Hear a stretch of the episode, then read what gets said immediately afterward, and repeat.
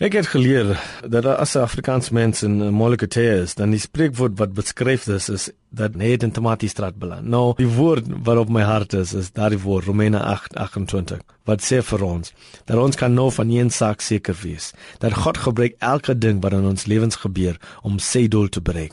Vir ons wat vir God liefhet, werk alles tot ons beswil. Miskien is jy in Tomatiestraat. Miskien is jy nou in die moeilikheid en dinge gaan nie goed vir jou. En nou my storie is dat ek was vir 11 jaar, omtrent 12 jaar in New Zealand. En ek is nou terug in Suid-Afrika.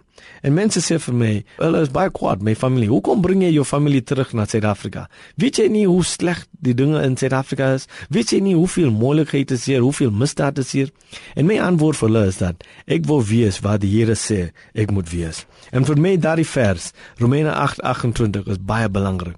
Omdat daardie vers herinner my, dit herinner my dat dit maak nie saak wat gebeur aanlangs my. Dit maak nie saak wat gebeur rond my, omdat die Here is in beheer.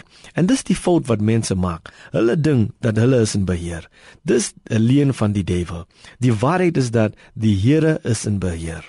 En ons moet dit weet. En ons is almal op pad na die hemel toe en ons is almal op reis ergens heen. Voor ons in 2000 na New Zealand vertrek het, was ek 'n sakeman.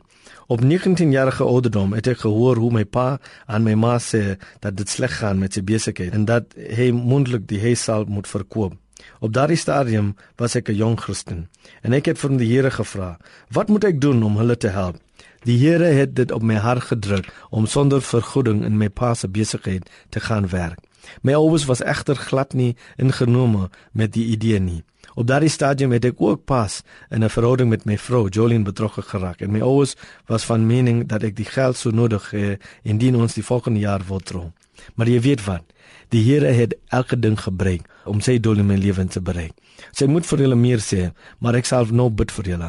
Miskien is jy ook daar in daardie moeilike plek in Tomatiestraat. En ek vra en ek sê Here, asseblief, gee vir my broer en my sussie die visie dat U is in beheer. Hulle is nie in beheer nie. Ek vra en ek bid vir hulp vir hulle dat U sal vir hulle die sterkte gee om uit die moeilikheid te kom. In Jesus se naam. Amen.